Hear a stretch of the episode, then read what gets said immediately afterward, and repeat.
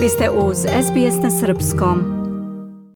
I pri kraju programa jedna interesantna priča o tome da su naučnici otkrili da od davno izgubljenog kataloga zvezda koji je izradio starogrčki astronom Hiparh.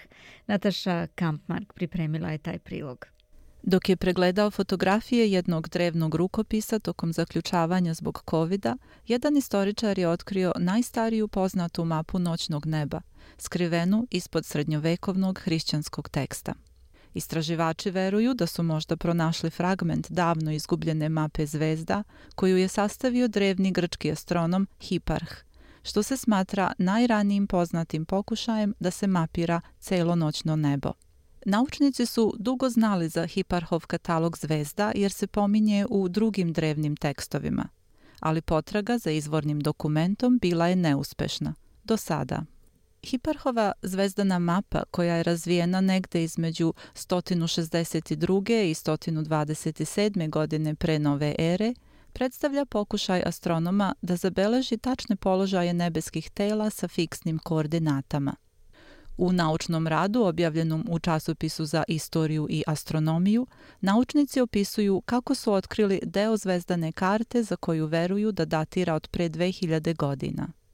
Na pergamentu je preko mape bio ispisan hrišćanski tekst koji potiče iz grčkog pravoslavnog manastira Svete Katarine u Egiptu, a sada se čuva u Muzeju Biblije u Vašingtonu. Brian Hayland, kustos srednjovekovnih rukopisa Muzeja Biblije, u saopštenju za štampu na internetskoj stranici muzeja, objašnjava da je kopija mape zvezda astronoma Hiparhasa Rodosa otkrivena ispod rukopisa Jovana Lestvičnika, autora rasprave napisane oko 600. godine nove ere Lestvica božanskog vaznesenja. Istraživači kažu da je katalog zvezda koji je prvobitno zabeležen na pergamentu kasnije sastrugan da bi se pergament mogao ponovo koristiti, što je bila uobičajena praksa u to vreme. Takav slojevit rukopis naziva se palimpsest. Koristeći tehniku koja se zove multispektralni snimak, istraživači su fotografisali pergament kamerama različitih talasnih dužina i uspeli da dešifruju slojeve teksta koji su bili ostrugani.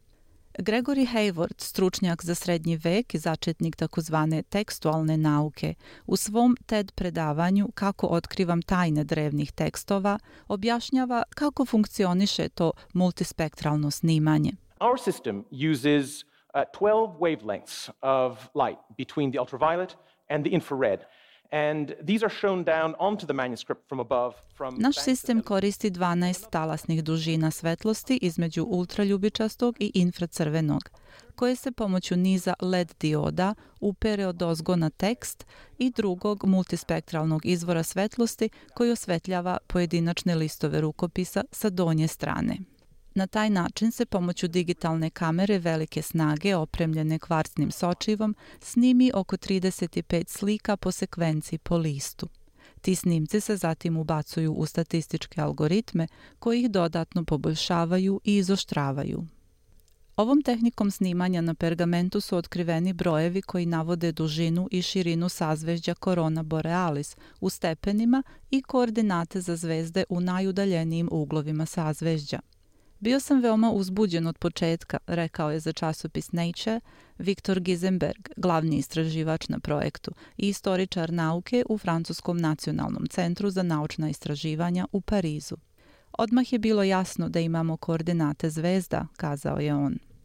Osim što su potvrdili da je Hiperhov tekst sakriven ispod hrišćanske rasprave, istraživači su također otkrili da su Hiperhova merenja tačnija od meranja njegovog naslednika, matematičara i astronoma Ptolomeja.